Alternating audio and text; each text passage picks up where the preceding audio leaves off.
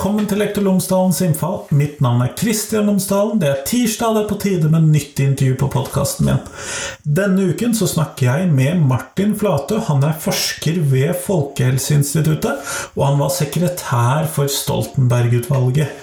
I den forbindelse så lagde Stoltenberg-utvalget et uh, utkast til en ny måte å gjøre inntak til videregående skole på. Et tillegg til hva skal vi kalle nærskoleprinsippet og karakterbasert opptaks, eller fritt skolevalg, som man også kjenner det. Så det skal vi snakke om i dag. Rett og slett, Hvordan kan vi få til en mer rettferdig inntaksordning som ikke nødvendigvis sier at det bare er den nærmeste skolen du kan velge? Så her får du Martin. Vær så god.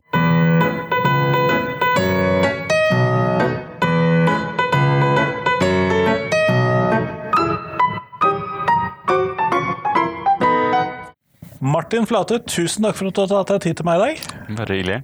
Før vi starter selve intervjuet, kunne du ha fortalt lytterne mine tre ting om deg selv, sånn at de kan bli litt bedre kjent med deg. Ja. Eh, jeg er eh, forsker ved Folkehelseinstituttet. Og der eh, jobber jeg i et prosjekt som ser på årsakene til kjønnsforskjeller i skolen, og mulige helsekonsekvenser av dette. Eh, og før eh, det så tok jeg en permisjon for å jobbe i KD, eh, i Stoltenberg-utvalget. Der satt jeg i sekretariatet. Det var veldig gøy. Fikk jeg se utdanningspolitikk fra innsiden. Og før det igjen så jobbet jeg som forsker på NIFU, og også som lærer på en videregående skole. Det syns jeg var eh, utfordrende, men eh, også veldig givende. Altså få følge elever sånn fra dag til dag og deres faglige utvikling. Det var veldig gøy. Mm. Så både praksiserfaring og forskererfaring? Ja, eh, mer forskning de siste årene, da. Så, ja. mm. eh, og det er jo nettopp noe av det som hva skal vi kalle det, kommer ut av Stoltenberg-utvalget sin rapport, som vi skal snakke sammen om i dag. Noe som du har forsket på og jobbet med i ettertid. Mm. Eh, og en av de vanskelige tingene med å jobbe med videregående skole, er at man må sørge for at vi tar opp elevene. Mm. Fortrinnsvis der de ønsker, eller det de kunne ha interesse av, det samfunnet har interesse av at de gjør, osv. osv. Eh, og der snakker man veldig ofte om to modeller, enten nærskoleprinsippet eller karakterbasert opptak. Mm. Men dere har et alternativ. Kan du fortelle meg mer om det? Ja. Vårt alternativ er et progresjonsbasert opptakssystem. Eh, og med progresjonsbasert så mener vi at vi tar opp elever på bakgrunn av hvor mye eleven har løftet seg i sine, i sine prestasjoner gjennom eh, ungdomsskolen. Nettopp. Det høres grusomt komplisert ut. ja. Eh, men egentlig er det ganske greit. Det starter med at vi trenger eh, å etablere et slags inngangsnivå til eleven når han begynner på ungdomsskolen. Hvor ligger de i åttende klasse? Hvor ligger de i åttende klasse. Det er utgangspunktet. Eh, og basert på det så eh, kan vi da dele elevene opp i noen mestringsnivåer, med da elever som gjør det omtrent likt på starten av åttende klasse. Så ser vi da eh, på slutten av 10. klasse eh, grunnskolepengene deres. og Så lar vi dem søke å komme opp til skoler, eh, basert på da de grunnskolepengene som de har fra 10. klasse. Men da i konkurranse med de andre som var på det samme nivået da de startet i åttende klasse. Så i, i, hvis vi da skal plassere disse elevene litt sånn grovt, da mm. eh, og nå, det, det, Jeg kommer til å hate hvordan dette høres ut, men si toerelevene, eller enerelevene, toerelevene, treerelevene, firerelevene, femerelevene og sekserelevene i åttende klasse. Ja. Sånn at eh, hvis vi starter da som en toerelev i åttende klasse, så er det de jeg skal konkurrere mot i inntaket mitt. Nettopp. Mm. Jeg hatet hvordan dette hørtes. Nei, det ble veldig, det ble veldig fint, egentlig. Jo, det, sånn. det, det, var mm. nok den der ener, toer, treer-eleven-biten som jeg mislikte. Ja. Ikke, ikke progresjonsbiten. ja, nettopp. Mm. Eh, men når vi da skal ha dette systemet, hvordan tenker du at vi skal få administrert disse progresjonsenhetene, eh, eller hva vi skal kalle dem. Ja, så det er jo grunnleggende første spørsmål. Ja, hvordan eh, bestemmer man disse inngangsnivåene på en klok måte? Eh, og Stoltenberg-utvalget foreslo da å ta utgangspunkt i nasjonale prøver primært. Ja, for de skal jo alle gjennom i åttende klasse Ja. likevel. som er helt i starten av åttende klasse. Um, så det kan man gjøre, og man kan bruke karakterer på åttende trinn. Uh, og man kan også gi litt rom til læreren, uh, at læreren kan, uh, kan komme med sitt skjønn. særlig der man er i tvil om, om de andre målene gir et godt bilde på elevens prestasjon i åttende klasse. Så basert på det så plasserer man da elevene i et mestringsnivå. Um, og det mestringsnivået beholder da eleven uh, gjennom ungdomsskolen. Når elevene da søker seg inn til videregående, så får hvert mestringsnivå en kvote, basert på hvor mange elever fra det nivået som har søkt seg inn på en skole. Ja, nettopp. Mm. Og deretter konkurrerer de da med de andre innenfor sitt nivå. Og det betyr at det er eh, akkurat eh, like vanskelig eh, i utgangspunktet for en toerelev som en femmerelev i åttende klasse å komme inn på en videregående skole. Men tenker man da at man tar en skole sin plasser, og så deler man den i eh, seks eller fem, da, og så eh, Uansett, eller fordeles dette ut ifra søker, søkertallet? Nei, Det fordeles da ut fra søkertallet. Eh, sånn at hvis det bare er femmerelever, eh, elever som, eh, som lå på et høyt mestringsnivå i starten av åttende klasse, som søker seg til en skole, så vil alle plassene gå til elever som gjorde det bra i starten av åttende klasse på den skolen. Så det vil si at vi utjevner de eh, forskjellene, eller den eh, sosiale segregeringen som eh, på måte er skapt av eh, et eh, karakterbasert opptakssystem, ved at det da er de med best bakgrunn som gjerne gjør det best og kommer inn på, på noen skoler. Men vi beholder for så vidt den sosiale segregeringen som skyldes det at elever ønsker seg til ulike skoler. Sånn at hvis en type elever ønsker å søke seg til eh, en skole, så slipper vi inn dem. Eh, til tross for at eh, det hadde vært mer sosialt utjevnende å ta inn noen andre elever. Ja, for det er jo en problemstilling man har snakket veldig tydelig om, særlig i Oslo-skolen. Og det er jo gjerne i de store byene hvor vi får denne problematikken, siden ja. vi har flere skoler på ett sted. Mm, ja. mm. Eh, men eh, det høres jo ut som om eh, man på denne måten så gir det større rom for de elevene med lavere karakterer til å komme inn også på det som i dag er veldig populære skoler. Ja, det vil gjøre. Mm. Og, og, vi har også sett på hvordan um, eh, rangeringspoeng, altså eh, en elevs rangering eh, innad i et kull, hvordan det vil fordele seg eh, på ulike grupper med karakterbasert eh, opptak og dette progresjonsbaserte opptak. Og med karakterbasert opptak så er det de som, sånn at de som har eh, minst én forelder med lang høyere utdanning, de ligger da i, i 67. persentil, dvs. Si at eh, en tredjedel av elevene er i snitt rangert over denne eleven, og to tredjedeler av elevene er rangert under. Mens de som har foreldre som ikke har utdanning utover grunnskolen, for dem er det omvendt med det karakterbaserte systemet. Altså det er en tredjedel av elevene som står bak eh, den eleven i køen, og to tredjedeler står da foran i inntakskøen. Ja, Sånn at sosial bakgrunn spiller veldig stor rolle? Stor rolle i det karakterbaserte opptaket. Eh, mens med progresjonsbasert opptak så eh, endrer dette seg. Da, 50, da ligger en gjennomsnittlig elev som har én forelder med lang høyere utdanning, på 56. persentil. Eh, en, litt over halvparten. Så litt over halvparten, ja.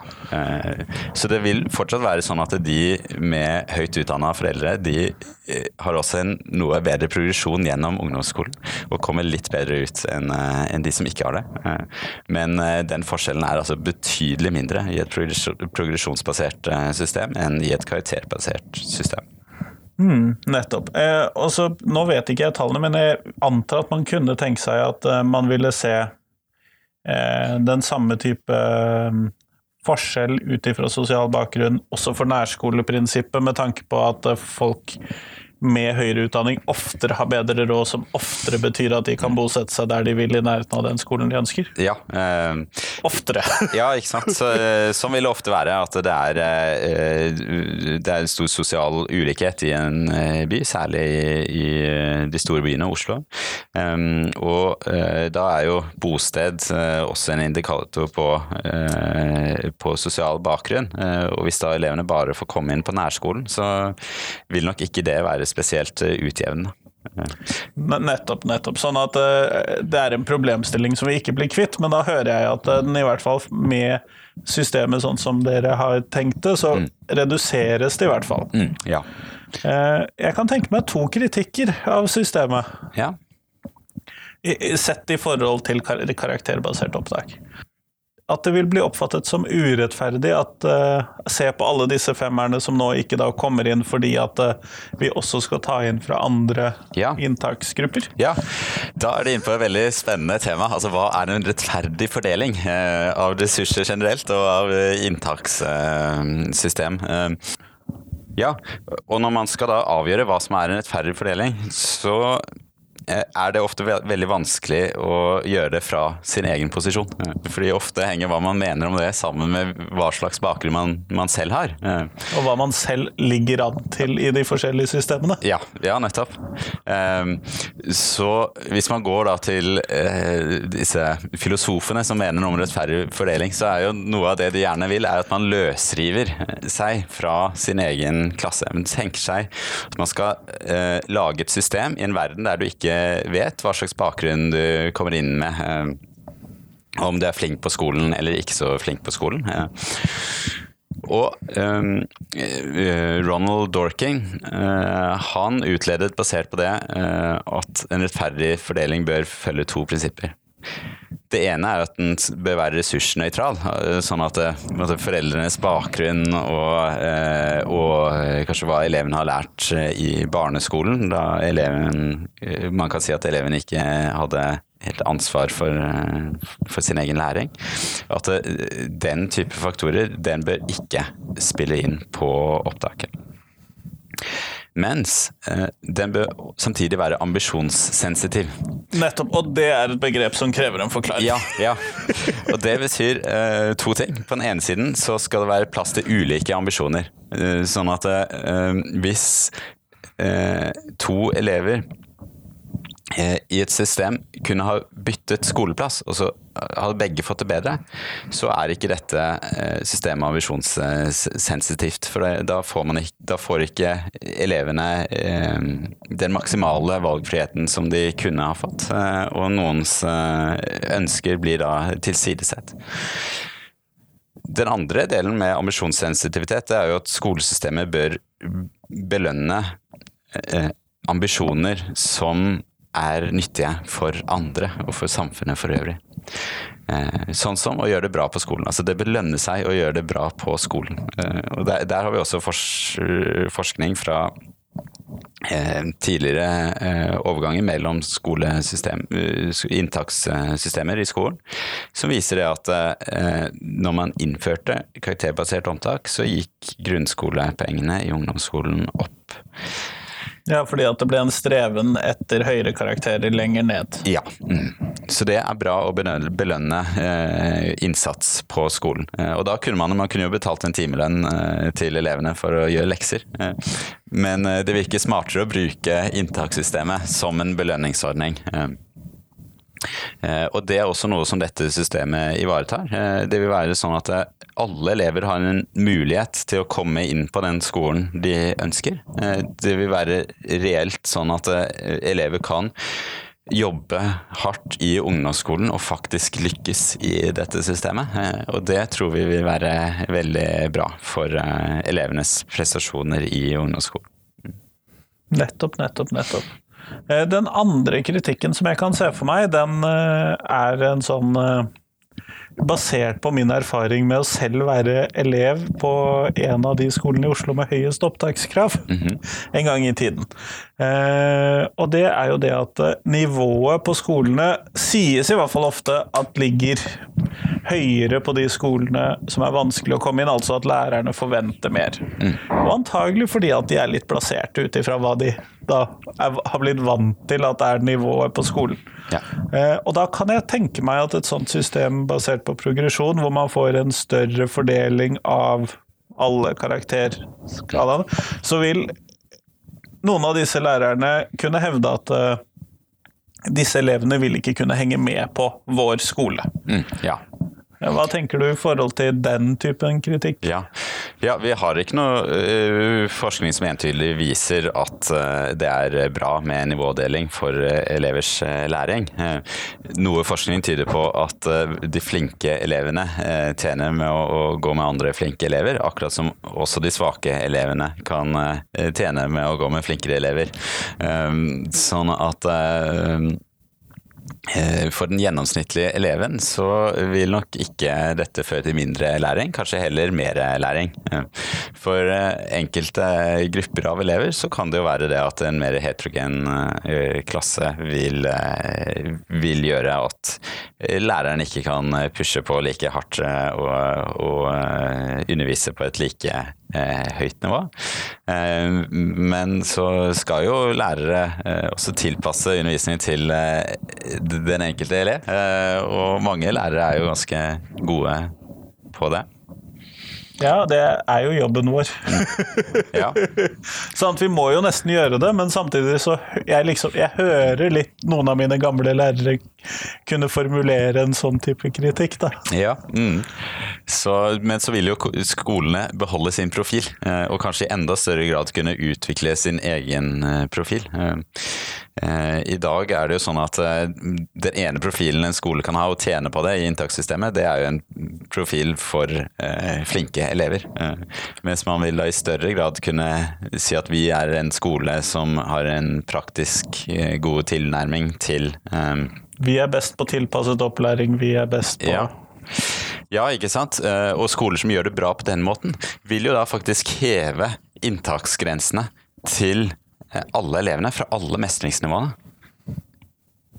Ja, nettopp. nettopp. Jeg ser den. Og det blir ikke lenger slik at vi er populære, derfor har vi høyt inntakssnitt, og derfor så øker inntakssnittet vårt. Ja, nettopp. Mm. Eh, men man vil kunne ha ulike profiler, og noen skoler vil jo da eh, kanskje ha en, en eh, akademisk profil, og andre kanskje en annen tydelig profil. Nettopp, nettopp. Sånn at eh, man potensielt så muliggjør dette her noen uh, endringer sånn for det totale bildet av skolene, da. Ja. Mm. Det er jo litt interessant. Man har jo forsøksvis Eller man har jo prøvd seg på dette. Jeg husker en sånn gammel skolekatalog fra når jeg søkte på videregående. Da var det eh, Skolene kom med sånne lovord om hva de var gode på. Mm. Uten at jeg tror at man nødvendigvis merket så mye til dette, eller at det var så mange som brydde seg så mye om å lese disse Nei. tekstsnuttene. Men de ville kanskje bli viktigere? Ja, nettopp. Ja. Eh, og for, eh, for en skole i, et karakterbasert eh, opptakssystem, så gir det jo ikke noe mening å være veldig god på å ivareta elever som gjør det under middels, fordi det vil ikke øke inntaks grensen til skolen, og heller da ikke gi spesielt anseelse. Men Martin, en eh, sånn veldig lett kritikk som eh, også ligger litt åpent her, er jo dette her med Vil ikke elevene da ha et insentiv til å gjøre det dårlig i åttende klasse? I disse vurderingssituasjonene som teller for opptak? Ja, det er en kritikk som, som vi ofte hører, og som vi brukte mye tid på i Stoltenberg-utvalget. Og Eh, derfor tenker vi at eh, det er ekstremt viktig når man lager en sånn modell, at man lager ordninger som eh, gjør det eh, vanskelig eller lite lønnsomt å gjøre det svakt i åttende klasse. Eh, for det er klart, det er ikke noe vi ønsker at eh, elevene skal eh, innrette seg strategisk, enten på de nasjonale prøvene eller i fagene i kvalitetssettingen, for å da ha et bedre utgangspunkt. Og da er jo uh, for første en god del ting um, som man kan gjøre når man innfører en sånn modell, uh, rundt de nasjonale prøvene, hvis man velger å bruke den som en del av grunnlaget for disse mestringsnivåene. Eh, der kan man ganske enkelt lage datasystemer som fanger opp eh, hvis elevene svarer systematisk på noen måte. Altså bare setter kryssene i den første eller den siste ruta. Man kan fange opp om elevene svarer riktig på de lette oppgavene og feil på de vanskelige oppgavene. Og man kan se på tidsbruk per oppgave og hvorvidt den virker tilmålt. Eh, så, eh, så, på nasjonale prøver så har man jo noen eh, datatekniske muligheter. Da, Fordi at systemet er rigga sånn som det er? Ja, ja nettopp. Så eh, mener jo utvalget at man bør ikke bare se på de nasjonale prøvene. Og det ene er jo det at eh, da blir det jo veldig eh, stor gevinst hvis man da klarer å eh, lure det systemet. Eh, og det andre er jo at eh, alle kan jo ha en, en litt dårlig dag eller en litt god dag. Og det er ikke sikkert nasjonale prøver fanger opp bredden i en elevs kompetanse på en god måte. Så derfor så ønsker man å bruke karakterer. Og særlig der det måte, ikke er samsvar mellom det mestringsnivået som eh, nasjonale prøver hadde gitt, og som eh, karaktersettingen hadde gitt, så bør læreren inn og ta en vurdering. Eh, hva slags elev Hva, hva, viser elevens reelle kompetansenivå? Ja, nettopp. ja. Best. ja, nettopp. ja. Og det tror jeg eh, mange lærere kommer til å klare helt eh, fint. Eh, og, og, se helheten i, i elevene og, og, innpasse dem der de, der de hører hjemme. Mm. Så, så ikke rent maskinelt, med andre ord? Nei, det tror vi ikke. At eh, man kan få det til spesielt godt rent maskinelt. Eh, her må det, særlig i tvilsfeller, så må nok læreren inn og se på dette. Mm. Den, dette systemet eh, har jo sin opprinnelse i, en, eh, i et utvalg som skulle jobbe med gutta eh, i skolen. Ja. Mm. Eh, og ha, på hvilken måte tenker man at dette systemet vil ha en særlig fordel for gutta, eller ja. har det det?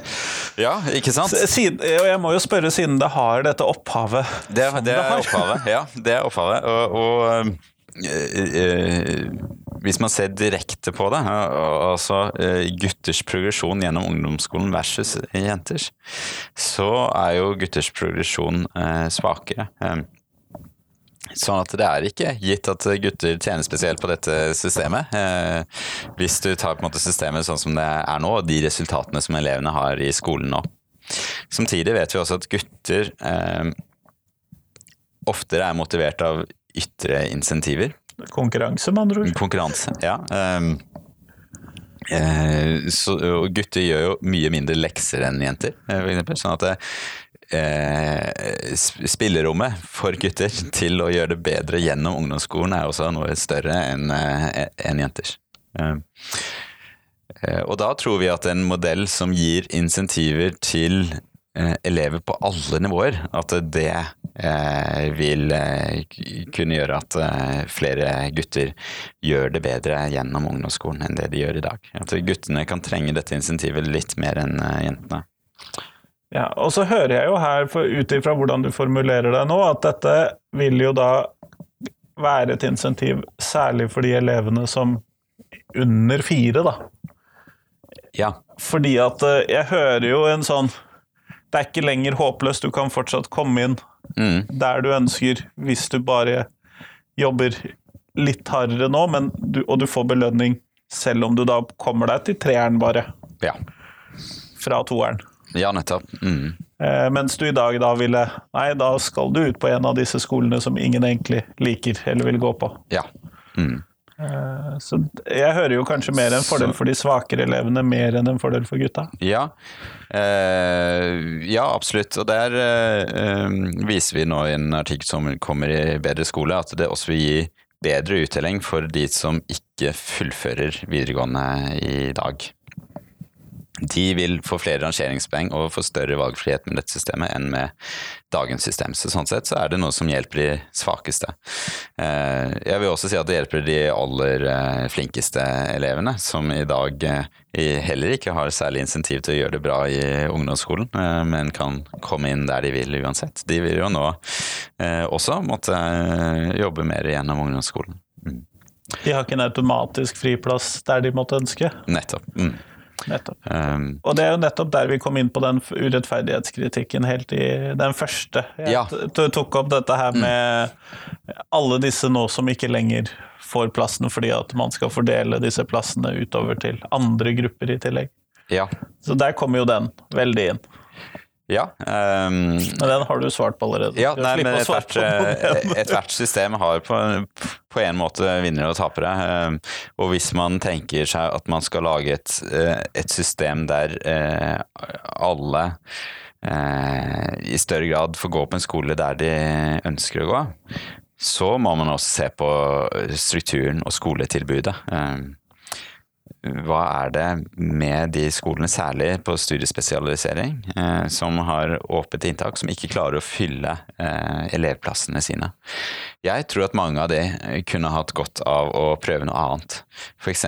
å prøve å lage et kombinert løp der du kan ta eh, eh, studieforberedende sammen med et yrkesfag gjennom et, eh, et treårig løp. Eh, kanskje skulle vi hatt mer idrettsfag, eh, mer mediekombinasjon. Kombinert med yrkesfag, f.eks. Ja, kombinert med yrkesfag. Eh, kanskje vi skulle hatt mer interessebaserte fag som treffer eh, eh, en større elevmasse. Mm. Sånn det er ting å gjøre. Mm. Men jeg ser jo det at dette opptakssystemet kan jo da også gagne disse skolene. Det skjønner jeg ut ifra hvordan du eh, viser det. Eh, Men en ting som jeg tenker litt på, fordi at jeg står jo ofte i samtaler om hvordan man skal eh, lage et felles opptakssystem for Sogn og Fjordane og Hordaland Ja. når de skal slå seg sammen. Ja. Og Bergen er jo for så vidt grei. Dette er en storby, og dette passer inn i det mønsteret som vi har snakket om til nå. Men Ja. hvordan tenker dere at dette systemet passer når man kommer ut der hvor det er en halvtime til en time mellom hver skole? Ja, ja. Ja, nei, altså eh, Stoltenberg-utvalget pekte jo på dette uh, som en tredje modell som man ønsker at uh, fylker skal kunne se på, utrede og eventuelt innføre. Noen steder vil nok eh, dagens ordning passe bedre. Eh, I eh, områder der, der det er større avstander, så har man kanskje ikke behov for et, eh, et system av den typen. Da bør kanskje geografi også spille større rolle, sånn at uh, elever som uh, som kanskje sliter på skolen, ikke risikerer å måtte reise veldig langt for å gå på skole. Um, Så, så- dere har ikke tenkt at dette skal overta liksom plassen for alle systemene? Nei, dette er mer tenkt som et system i de store byene. Um, og kan også da kombineres med geografi. Altså man kunne hatt dette innenfor eh, et geografisk inntaksområde. eh, og hatt et eh, annet system innenfor et annet geografisk inntaksområde. Nettopp, nettopp. For å tilpasse seg til situasjonen slik den reelt sett er, og ikke bare vi skal ha dette systemet overalt. Ja, ja nettopp. Mm. Nettopp, nettopp. Nei, men Kjempeflott. Eh, vi går mot slutten av podkastintervjuet, og da lurer jeg på eh, om du eh, kan svare på det som er spørsmålet jeg stiller til alle jeg intervjuer. Og det er hva skal ut av skolen hvis du fikk bestemme? Ja. Da skal, skal, jeg gjerne ha tatt ut noe som er på vei inn. Eh, Ja, interessant. ja, de tverrgående temaene. De, eh, de tverrgående temaene. som kommer med, med fagfornyelsen. Nettopp. Det er første gang jeg har hørt hvorfor det. Ja, eh, det er ikke fordi jeg ikke syns det er viktig. Altså jeg syns livsmestring i skolen for eksempel, er veldig viktig. Men jeg tror livsmestring bør undervises av noen som har kompetanse på det. I et fag som er avsatt til det. Altså F.eks. sammen med utdanningsvalg. Eh, Og så kunne det vært undervist av en psykolog eller en eh, helsesykepleier. Men problemet når man innfører eh, dette og andre temaer som tverrgående temaer, det er jo at man eh, mister noe av det læreren ellers hadde fokusert på i sin undervisning. Noe av kjernen i fagene. Og jeg ser jo særlig eh, at det er en bekymring rundt eh, matematikkundervisning i norsk skole. Eh, blant landene som deltar i TIMSS-undersøkelsen, så ligger vi helt på bånn i algebra, både på ungdomsskolen og i videregående. Og mattelæreren bør derfor bruke mer tid på algebra, og, og, ikke måtte undervise da personlig økonomi i tillegg som en del av livsmestringstemaet. Um, så, jeg har mye mer tro på å uh, la lærerne undervise det de kan, uh, der de uh, har sin fagkunnskap, og, og, la lærerne selv definere kjernen i sitt fag og, og fokusere på det. Mm. Kjempeflott. Tusen takk for at jeg fikk prate med deg i dag. Ja, takk for at jeg fikk komme.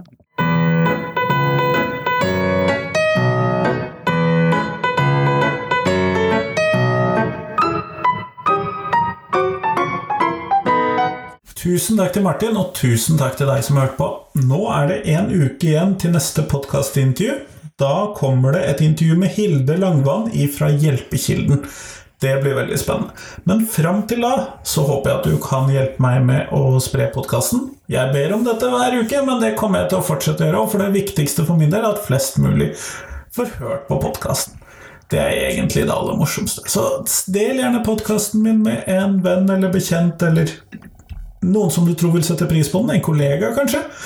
Eller hvis du kjenner en lærerstudent. Del podkasten, og så høres vi om en uke. Hei, hei!